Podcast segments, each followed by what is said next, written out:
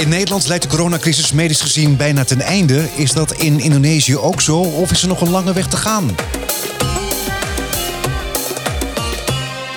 Welkom bij een nieuwe aflevering van de Indonesië podcast. De gast is internist Raf Hamers. Hij is specialist infectieziekten verbonden aan de Eijkman Oxford Clinical Research Unit in Jakarta. Raf, goedemiddag. Hallo, goedemiddag. Ja, je hebt de afgelopen anderhalf jaar je vooral eh, bezig gehouden met uh, corona. Straks uh, uitgebreid daarover. Je bent verbonden aan het Eijkman Instituut. En dat instituut dat stamt nog uit de Nederlandse tijd. Hè? Opgericht in 1888 als het geneeskundig laboratorium. Ja, dat klopt, ja. ja dus de Nederlanders hebben een lange geschiedenis in de geneeskunde hier... en ook in het medisch onderzoek. En dat is inderdaad... ja, ik weet niet of het begonnen is... maar in elk geval, dit laboratorium heeft een, heeft een belangrijke rol, rol erin gespeeld. Ja, en Christian Eijkman was de eerste directeur van het eh, geneeskundig laboratorium. In 1938 is het eh, instituut naar hem genoemd, want daarvoor had hij de Nobelprijs voor de geneeskunde gewonnen. Hè? Ja, uh, Christian Eijkman is een hele belangrijke figuur in de uh, Nederlandse wetenschap en ook in de geneeskunde. Hij heeft als een, als, als ik het goed heb, is hij een van de drie Nederlandse Nobelprijswinnaars. En hij heeft zijn werk verricht rondom de ziekte beriberi. En beriberi was het einde van de 19e eeuw een heel belangrijke endemische ziekte in Indonesië en ook in andere landen. En men wist eigenlijk niet de oorzaak van die ziekte. Um, in die tijd was er heel veel aandacht voor bacteriën, die waren net ontdekt. Um, dus men wist wat, uh, welke, wat de oorzaak was van ziektes zoals tuberculose en cholera. En beriberi dacht men heel erg in dezelfde hoek.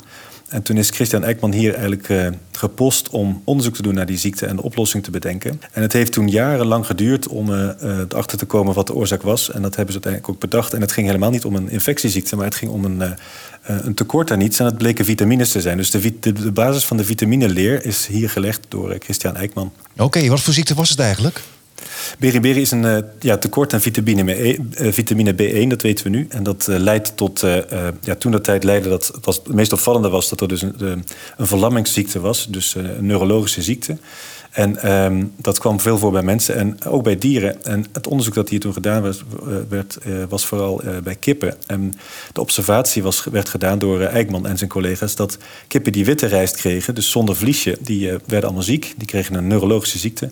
En de, uh, vervolgens uh, was er blijkbaar een andere kok in in de keuken... en die gaf de kippen uh, zilvervliesrijst. Yeah. Toen ging het een stuk beter, toen werden ze beter.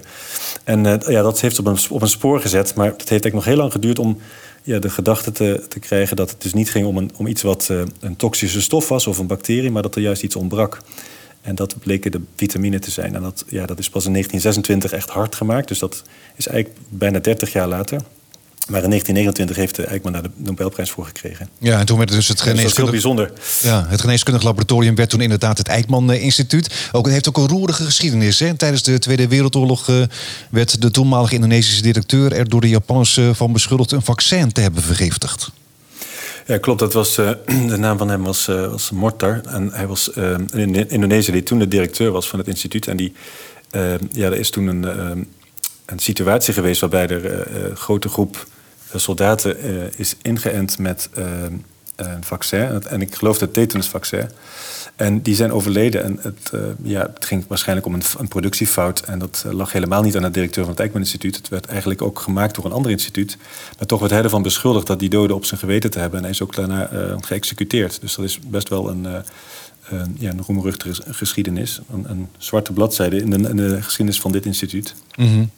In de jaren 60 werd het ook nog gesloten, maar in 1992 door oud-president Habibi, die uh, toen minister was, uh, weer heropend.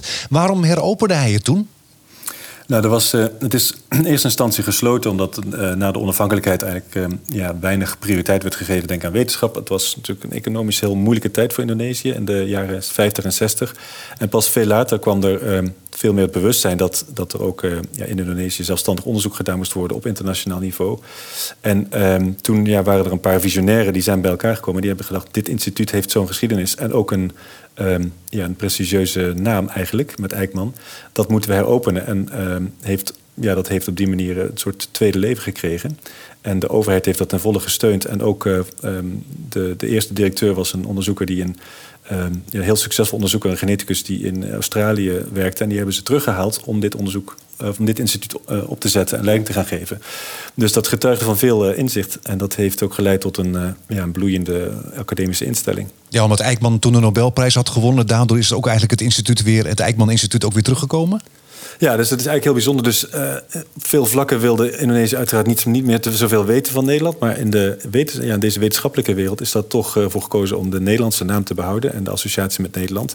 En ik denk dat op heden, en dat merk ik ook in mijn werk, dat er nog steeds heel warme banden bestaan tussen veel Nederlandse universiteiten en uh, hier in Indonesië.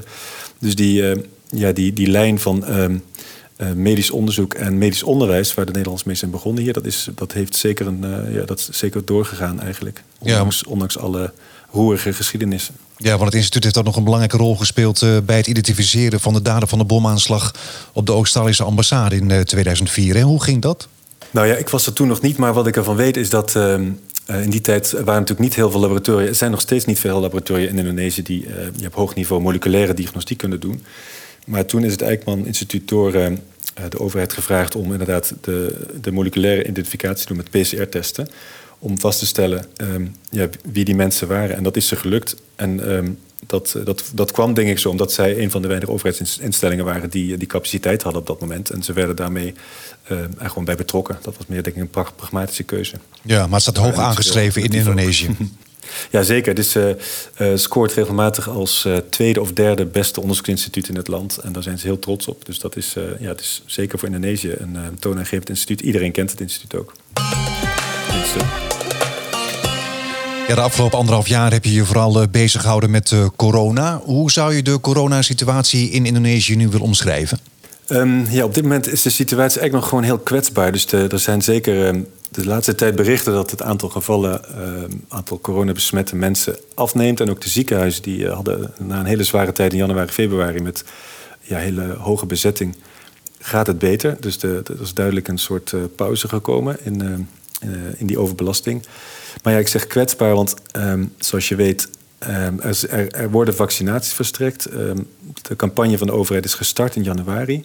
Maar eigenlijk ja, gaat dat op, ja, je kan zeggen, het gaat op indrukwekkende wijze best goed. Maar mm -hmm. um, de bevolking is zo groot en zo uitgebreid.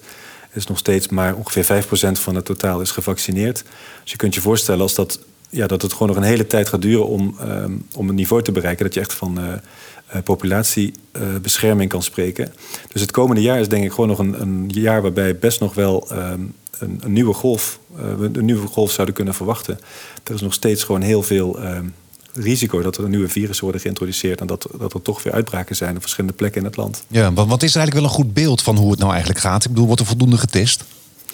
Ja, dat is, uh, dat is inmiddels denk ik wel zo. En, uh, Indonesië heeft een hele tijd geduurd. Het heeft maanden geduurd uh, sinds begin maart vorig jaar... dat er echt sprake was van voldoende toegankelijkheid van testen. En ik kan me nog goed herinneren, in het begin duurde het gewoon om een test te krijgen... duurde het zo vijf dagen voordat je een uitslag kreeg. Dus dat was eigenlijk nauwelijks nog nuttig om, ja, om iemand bijvoorbeeld in te, te, isoleren... of iemand ja, tijdig een diagnose te geven. Maar dat is nu echt wel anders. Er zijn allerlei laboratoria, alle initiatieven geweest... die via de overheid of ook in de privésector die testen aanbieden. En dat is, is een hele tijd uh, eh, PCR-testen geweest. Die zijn heel, helaas heel duur. En daarnaast zijn er nu ook overal antigeentesten uh, te verkrijgen. En die antigeentesten hebben een beperking dat ze niet zo gevoelig zijn als PCR-testen, maar die zijn wel veel beter betaalbaar. Dus ik denk dat daarmee ook veel meer mensen testen. Ja. Volgens officiële cijfers zijn er in Indonesië nu zo'n 1,8 miljoen besmettingen geweest, 50.000 doden. Klopt dat een beetje, dat cijfer?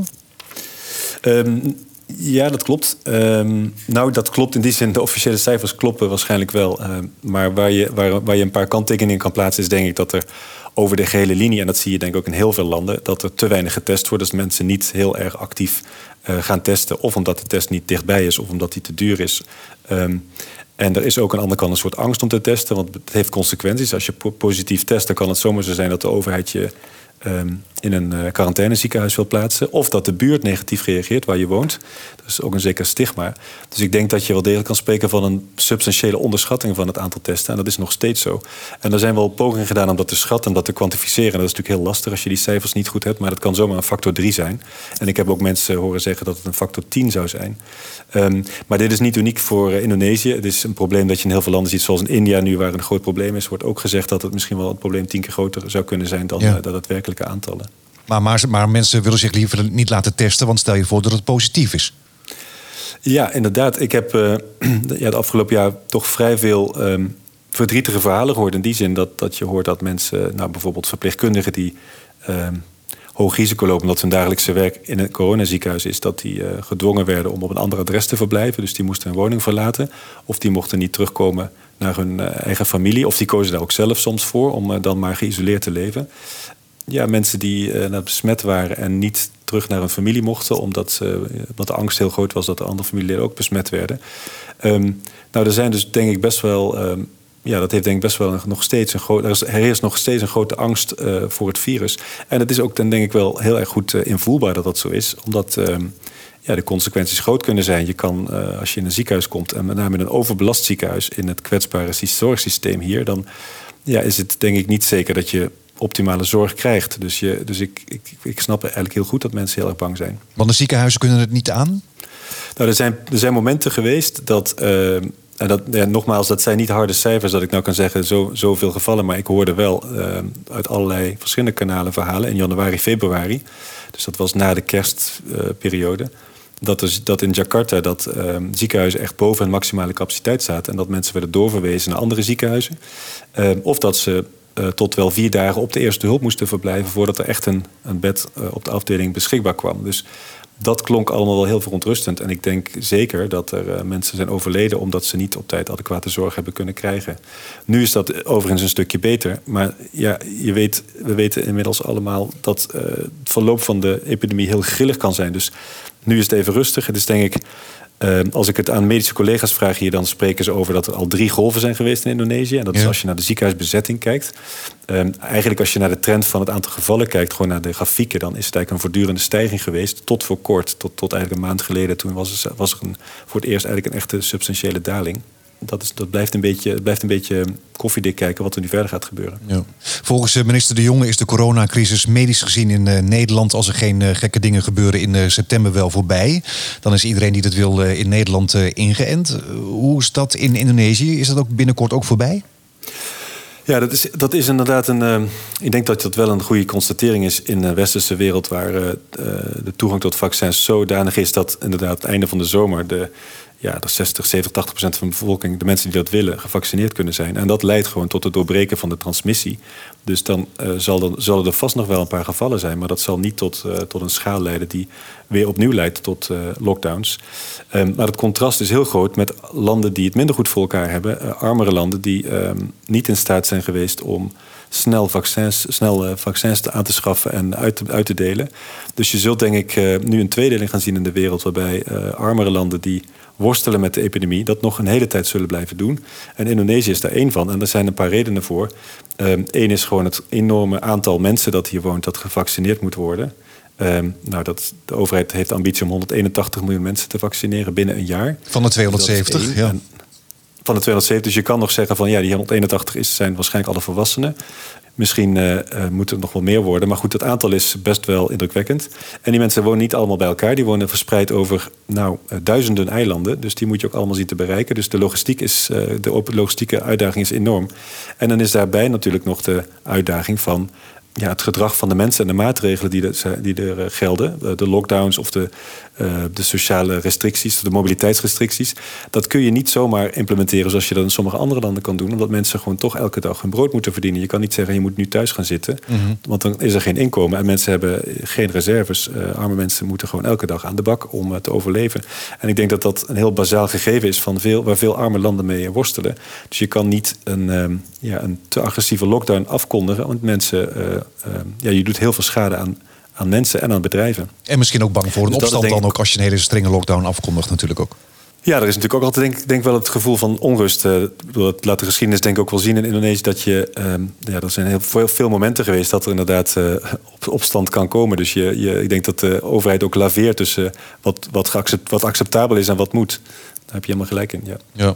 Maar, maar goed, je, je zegt van armere landen kunnen er misschien wel jaren over doen... om dat uh, vaccinatieniveau te bereiken, wat in westerse landen wel lukt. Maar dat kan natuurlijk economisch ook hele grote gevolgen hebben... als je steeds maar weer maatregelen zou moeten nemen. Ja, dat denk ik ook. Ik denk dat dat ook een, uh, een belangrijke... Uh, consequentie zal zijn van deze crisis. Dat je ziet dat rijke landen toch vrij snel er weer bovenop komen. En door kunnen gaan met hun uh, economische groei. Terwijl arme landen verder achterop raken. En die raken al in veel opzichten verder achterop. En ehm, ja, deze crisis maakt die kloof groter. Um, dus de vraag is hoe lang het zal duren daarna om die, uh, die achterstand weer enigszins in te halen. Dus nu is de regio natuurlijk economisch best wel sterk en in ontwikkeling. Dus de, de Aziatische regio. Dus uiteindelijk op de langere termijn zal er vast wel weer groei zijn. Mm -hmm. Maar inderdaad, zoals je zegt, de komende, komende jaar en de komende, nou, misschien wel twee, drie, vier jaar zullen heel moeilijk worden. Um, ja, en het is ook, er zijn ook wel voorspellingen gedaan, die uh, modellen die gemaakt worden in de regio. Um, en dat, die laten ook zien dat het waarschijnlijk nog wel twee jaar duurt voordat hier dat, uh, hetzelfde vaccinatiebureau niveau wordt bereikt als in Europa. Ja, het is natuurlijk ook een gigantische operatie als 180 miljoen mensen gevaccineerd moeten worden. Ik bedoel, in Nederland zijn er ook problemen met het toevoeren van vaccinaties. Indonesië leunt zwaar op de Chinese vaccins. Hè? Loopt dat een beetje goed? Ja, dat, uh, ik vond eigenlijk uh, dat uh, de Indonesische overheid het heel voortvarend heeft aangepakt. In januari hebben ze met een spoedprocedure het eerste Chinese vaccin goedgekeurd. Dat was Sinovac. En ze zijn meteen begonnen met vaccineren van de, de healthcare workers. Dus, en, en dat hebben ze binnen een paar weken ook voor elkaar gekregen. Dat in, over het hele land de, die gezondheidswerkers beschermd waren door het vaccin. Dus dat was een behoorlijke prestatie. Um, je ziet nu dat sinds deze maand uh, opeens een, uh, de aanvoer van Sinovac stokt. En dat uh, er gelukkig een tweede vaccin klaar stond. Dus nu zijn ze overgestapt op AstraZeneca. Ehm, en dat, ja, daarmee gaat het nu verder. Maar het is een beetje de vraag hoe het nu verder gaat. En dat daarna van blijft er voldoende aanvoer zijn van, van deze, deze vaccins. Komt Sinovac dan weer terug. Er, is ook, er is nu ook Sinopharm, maar dat wordt aangeboden via de pri privésector. Dus ik weet ook niet hoe groot die aantallen zullen zijn dat die beschikbaar komen. Um, en dan is een beetje de vraag van, komen er dan nog een vierde en een vijfde vaccin? Er is een keer sprake geweest van Sput het Sputnik-vaccin uit Rusland... Mm. maar daar heb ik eigenlijk geen bevestiging van gehoord. Dus dit, ik denk dat die, uh, die aanvoerproblemen die je beschrijft... die uh, Europa natuurlijk ook gekend heeft en nog steeds wel kent... dat die hier ook spelen. En dat het um, wat dat betreft ook kwetsbaar is... dat die doelstelling gehaald wordt van 180 miljoen in een jaar. Maar AstraZeneca wordt in, in Europa bijna niet meer gebruikt... maar in Indonesië dus nog wel. Ja, inderdaad. En uh, ik hoor ook om me heen dat er wel wat uh, terughoudendheid is. Dat mensen die berichten natuurlijk ook horen uit het Westen. Maar uiteindelijk denk ik dat uh, ja, een land als Indonesië niet de luxe heeft om te kiezen. Ze moeten gewoon. Uh, ja, ze moeten denk ik gewoon doen met het vaccin dat er is. En, en ik denk nog, ik denk zelf dat de voordelen vele malen groter zijn dan de, dan de nadelen. En dat, ja, dat, je, dat ze daar helaas mee moeten leven. Dus dat ze moeten leven met de vaccins die beschikbaar zijn. Ja. Ook wordt er gewerkt aan een eigen vaccin. Die wordt Meraputi genoemd, naar de Indonesische vlag. wat is dat voor een vaccin? Je ziet dat over de hele wereld dat, uh, dat landen uh, die de capaciteit hebben om ja, moleculaire technologie te ontwikkelen, zelf proberen een vaccin te ontwikkelen. Ik denk dat die gedachte eigenlijk best wel goed is. Je ziet ook dat dat uh, kan lonen, want je, uh, ja, de, de, de grote producenten die uh, gaan allemaal nationalistisch gedrag vertonen. Of de, de, landen waarin die fabrieken liggen, die sluiten de grens en export is moeilijk. Uh, dat zie je nu in India, waar de grootste vaccinproducent ligt. En die zou een groot deel van de wereld moeten gaan voorzien van vaccins. Die sluiten ook de grens, omdat ze India eerst willen vaccineren. Dus die export is bemoeilijkt. Dus de gedachte dat je als groot land zelf vaccins produceert, is denk ik een hele logische.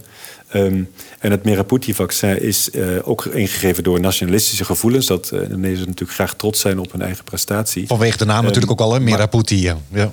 Ja, ze hebben ook die naam aangegeven. Dat, dat zegt het ook. Het is een denk ik prestigieus programma.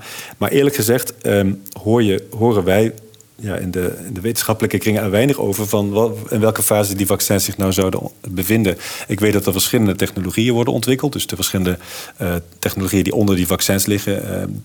Die, er zijn een paar verschillende aanpakken mogelijk. Die worden alle, allemaal ge, geprobeerd en, en ontwikkeld. Maar ik, ik weet eigenlijk niet van een van die, dat een van die vaccins al getest worden mensen bijvoorbeeld. En dat is altijd een hele belangrijke stap. Dus ik denk dat het zeker nog een hele tijd gaat duren voordat je echt kan spreken van een Meraputi-vaccin dat uh, beschikbaar wordt. En je moet je ook realiseren dat dat enorme, uh, ja, een enorme infrastructuur uh, vereist om dat goed te kunnen doen. Dus je moet ontwikkelen in het lab. Dat is stap 1, maar daarna moet het aan allerlei regels voldoen om het daadwerkelijk veilig in mensen te gaan gebruiken. Dus ik denk dat Indonesië wat dat betreft ja, um, best nog wel wat, uh, wat werk te verrichten heeft. Ja, je zei het al, uh, het kan misschien nog jaren duren voordat het in Indonesië een beetje voorbij is. Maar toch, binnenkort is de bedoeling ook dat Bali weer open gaat voor toeristen. Zou je dat de komende tijd ook steeds zien? Dus toch maar weer lockdowns, toch misschien het land weer dichtgooien, dan weer opengooien? Ja, nou, ik, ik zie in het overheidsbeleid eigenlijk een soort je ziet een soort uh, twee boodschappen. Aan de ene kant hoor je inderdaad, Indonesië wil open voor toerisme. En dat snap ik heel goed, want het is een hele belangrijke bron van inkomsten.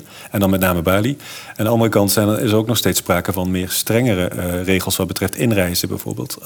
Men heeft het ook over het verlengen van de, van de quarantainetijd voor bepaalde landen met een, met, een grote epidemie.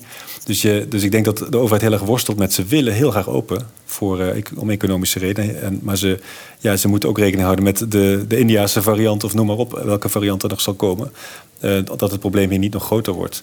Um, maar ja, ik weet dus niet wat wijs, wijs is. Maar het lijkt mij een beetje vroeg om nu al te spreken van het openen van de grenzen. Ja, uh, ja dat, dat, uh, dat denk ik wel. Met name om, vanwege de varianten die er circuleren. Ik denk dat je.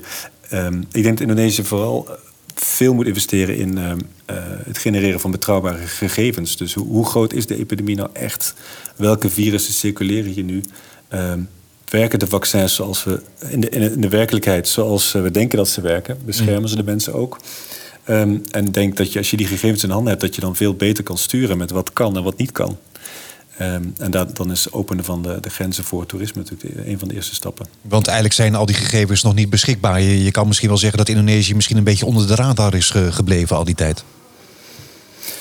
Ja, dat denk ik wel. Ik denk dat Indonesië inderdaad um, bewust of onbewust inderdaad uh, niet heel erg opvalt in alle rijtjes van uh, de, de, grote epidemie in de wereld. En dat hebben we achterin volgens gezien. Uh, het was Engeland, eerst China, Engeland, Zuid-Afrika, Brazilië. Dat zijn de bekende landen geweest. En elk van die grote epidemieën heeft ook een, hun eigen virusvariant opgeleverd, zoals je weet. Yeah. Um, maar dat kwam natuurlijk omdat die landen ook um, heel erg hun best gedaan hebben om het virus te sequencen. Dus genetische testen om te kijken wat er nou precies gaande is en hoe, hoe makkelijk dat virus uh, overdraagt en hoe ziekte, of het mensen zieker maakt dan een uh, andere variant. En in Indonesië is, zijn die gegevens er helemaal niet.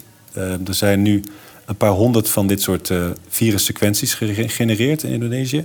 Maar dat is natuurlijk op, een, de schaal van het probleem in dit land eigenlijk niks. Dus een, een, een druppel op een gloeiende plaat.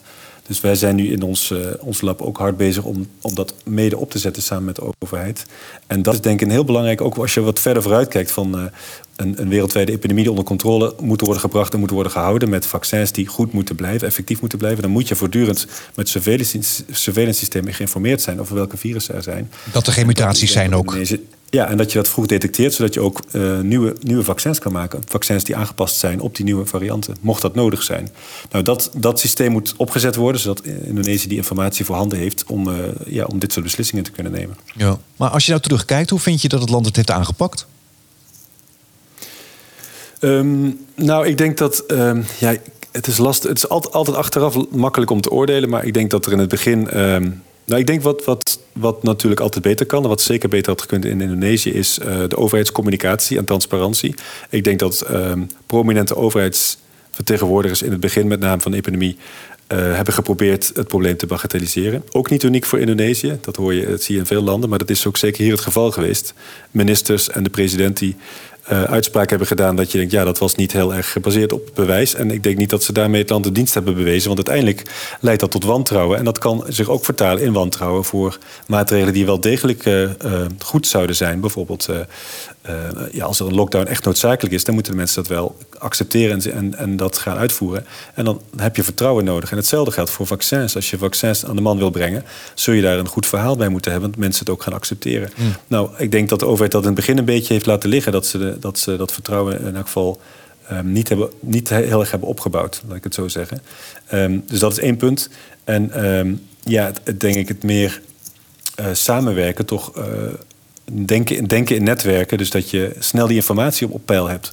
Diagnostische informatie, samenwerking tussen al die universiteiten en kennisinstituten. Dat had denk ik beter gekund. En ik denk dat dat ook ja, dat, dat legt ook een onderliggend probleem bloot in Indonesië. Dat samenwerking tussen die instituten is nooit, nooit echt vanzelfsprekend. Dat is best wel ingewikkeld in Indonesië. Mm. En dat, uh, dat heeft deze, dit probleem zeker niet geholpen. Dat die situatie was niet, was niet een gunstige start voor, uh, voor, om de corona-epidemie aan te pakken. Nee, je zei het al in eerste instantie was er weinig vertrouwen in de regering. Maar is er nu wel vertrouwen in vaccins? En, want er is nu een vaccinatieplicht, dus mensen moeten wel. Maar is er vertrouwen?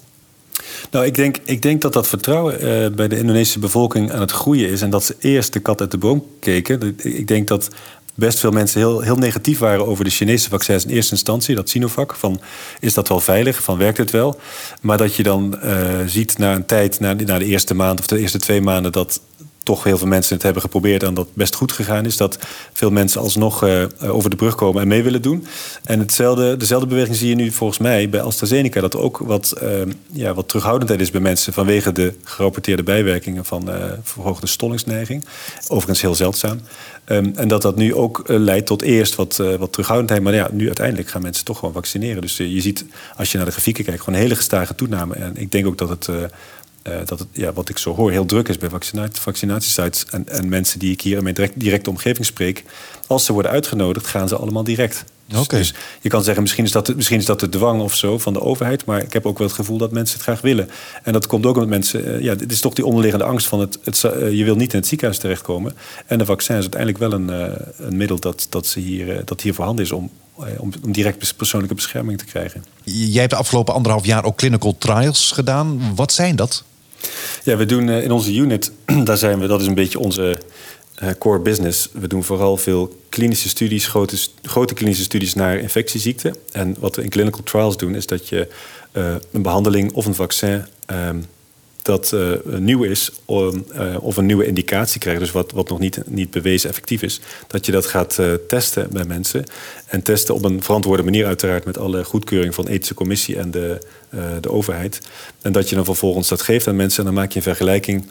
je, je, geeft, je laat toeval beslissen wie de behandeling krijgt en wie niet. Um, en dan ga je uiteindelijk een vergelijking doen. Dus de mensen die het medicijn hebben gekregen en de mensen die ofwel een placebo hebben gekregen. Ofwel uh, gewoon de standaardbehandeling krijgen. En dan uh, hoop je uiteindelijk de, de belangrijke vraag te kunnen beantwoorden: is het nou een beter middel? En dat doen we voor infectieziekten. En voor corona ja, deden we veel onderzoek en dat doen we nog steeds naar malaria. Nieuwe malaria-middelen, nieuwe malaria-diagnostiek. Uh, ook een malaria-vaccin. En daarnaast uh, is tuberculose een andere belangrijke ziekte waar we onderzoek naar deden. Uh, de behandeling van met name een complicatie van tuberculose, dat is hersenvliesontsteking door tuberculose. Mm. En toen kwam corona en ehm, toen konden we die infrastructuur van het doen van clinical trials meteen inzetten om ook corona-onderzoek te doen. Dus dat was eigenlijk een hele mooie start. We zijn, we zijn dus ook het afgelopen jaar enorm druk geweest om ja, al onze kennis en mensen in te zetten voor corona. Want dat is natuurlijk het meest urgente probleem. Dus we dragen ook bij aan allerlei grote studies. Dat zijn ook internationale studies en ook lokale studies. En dat wordt alleen maar meer. Dus het is nog steeds een gigantische agenda van activiteiten. Ja, en zijn er ook behandelmethoden uitgekomen uit die clinical trials? Uh, voor, tegen corona? Ja, dat, dat, dat klopt. Ja, je, eh, een hele bekende studie in, in de coronawereld is de Recovery Trial, die begonnen is in Engeland. Um, en dat was een trial die uh, geleid werd door Oxford, Univers Oxford University. Um, die um, probeerde heel snel een aantal bestaande medicijnen te testen en te kijken of, of zij geselecteerde medicijnen of die deden tegen corona. En toen bleek uit die studie Recovery dat dexamethason, dat is een anti-inflammatoire middel, dus een ontstekingsremmer, dat dat uiteindelijk leidt tot uh, betere overlevingskansen van mensen die in het ziekenhuis liggen met corona. Ja. Nou, dat was een hele belangrijke bevinding. En die trial, die hebben we, daar, zit, daar doen wij nu ook aan mee. Dus Indonesië, uh, we gaan met zeven ziekenhuizen meedoen in die trial. We zijn begonnen nu al met twee ziekenhuizen en dat worden er uiteindelijk zeven. En we hebben nu al bijgedragen aan twee andere vragen in diezelfde trial. Eentje was het gebruik van aspirine als, als een uh, antistollingsmiddel. De andere vraag was ehm, het gebruik van colchicine, en dat is ook een bestaand ontstekingsremmend middel, of dat misschien ook gunstig zou kunnen zijn voor uh, coronapatiënten. Nou, die antwoorden die worden binnenkort uh, uh, bekendgemaakt. En we gaan nu weer verder met de volgende vragen. Dus dat is een soort lopende trein waar we aan, mee, waar we aan meedoen. En het is denk ik heel goed dat Indonesië bijdraagt aan dit soort wereldwijde initiatieven. Dus daar zijn we ook heel trots op dat we dat kunnen faciliteren. Ja, we hadden het er al even over. Indonesië kent eh, veel meer infectieziekten. Jaarlijks komen er meer dan 1 eh, miljoen tuberculosegevallen bij. Meer dan 1 eh, miljoen malaria-gevallen. En ook HIV verspreidt zich snel. Je zei het al, jullie doen daar ook clinical trials naar. Hoe kan het dat Indonesië zo vatbaar is voor infectieziekten? Ja, dat is een combinatie van, van oorzaken. infectieziekten in Indonesië die blijven eigenlijk heel ja, in grote aantallen aanwezig. Overigens moet ik wel zeggen dat de laatste 20, laatste 50 jaar er enorme vooruitgang is in de, gezond, de, de, de algemene gezondheid van Indonesiërs. Dus de kindersterfte is enorm afgenomen. Mensen worden gemiddeld veel ouder dan uh, tientallen jaren geleden. Dus er gebeuren heel veel dingen die heel goed zijn. En je ziet ook wel een verschuiving in, in de grote ziekten in Indonesië. Dus de, de welvaartsziekten als suikerziekte of hoge bloeddruk, hart- en vaatziekten, vormen van kanker, die nemen ook wel toe. Maar ja, de, de last van die infectieziekte neemt eigenlijk niet af. Dus dus je, je, je vraag is wel terecht van waarom is dat eigenlijk zo? En dat, um, ja, dat heeft wel, denk ik, verschillende oorzaken. In die zin dat um, Indonesië extreem divers is. Dus je, je hebt de realiteit van een stad als Jakarta... waar um, veel mensen ja, welvarend zijn. Maar daar is ook een andere kant van Jakarta... waar veel mensen geen toegang hebben tot hele basale dingen... zoals een, een toilet of uh, sanitair, mhm. sanitaire mm voorzieningen... of schoon drinkwater. En als je dat soort basale uh, sanitatie niet hebt... Ja, dan blijf je kwetsbaar voor infectieziekten. Dus... Um, in de top 10 eh, van ziekten in Indonesië staan nog steeds uh, luchtweginfecties en diarree. En diarree leidt tot kindersterfte. Dus er zijn een aantal, of er is een aantal hele basale infectieziekten die zijn niet onder controle. Um, en je noemde tuberculose, dat is een, ook een goed voorbeeld. 1 miljoen per jaar is de schatting inderdaad, nieuwe patiënten. Ja. Nou, dat is wereldwijd gigantisch. Alleen India en China hebben meer gevallen. En die, dat zijn natuurlijk ook grotere landen.